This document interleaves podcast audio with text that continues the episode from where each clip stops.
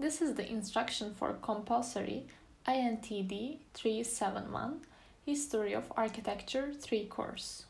The course coordinator is Assistant Professor Aslan Nayeb.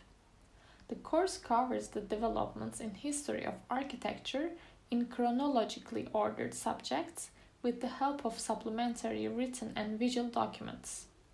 The course surveys the examples from Industrial Revolution, avant-garde movements, modernist and postmodernist approaches, high-tech architecture, and deconstructivism. This course provides a basic critical understanding of major developments in modern architecture from Industrial Revolution until today in chronological order.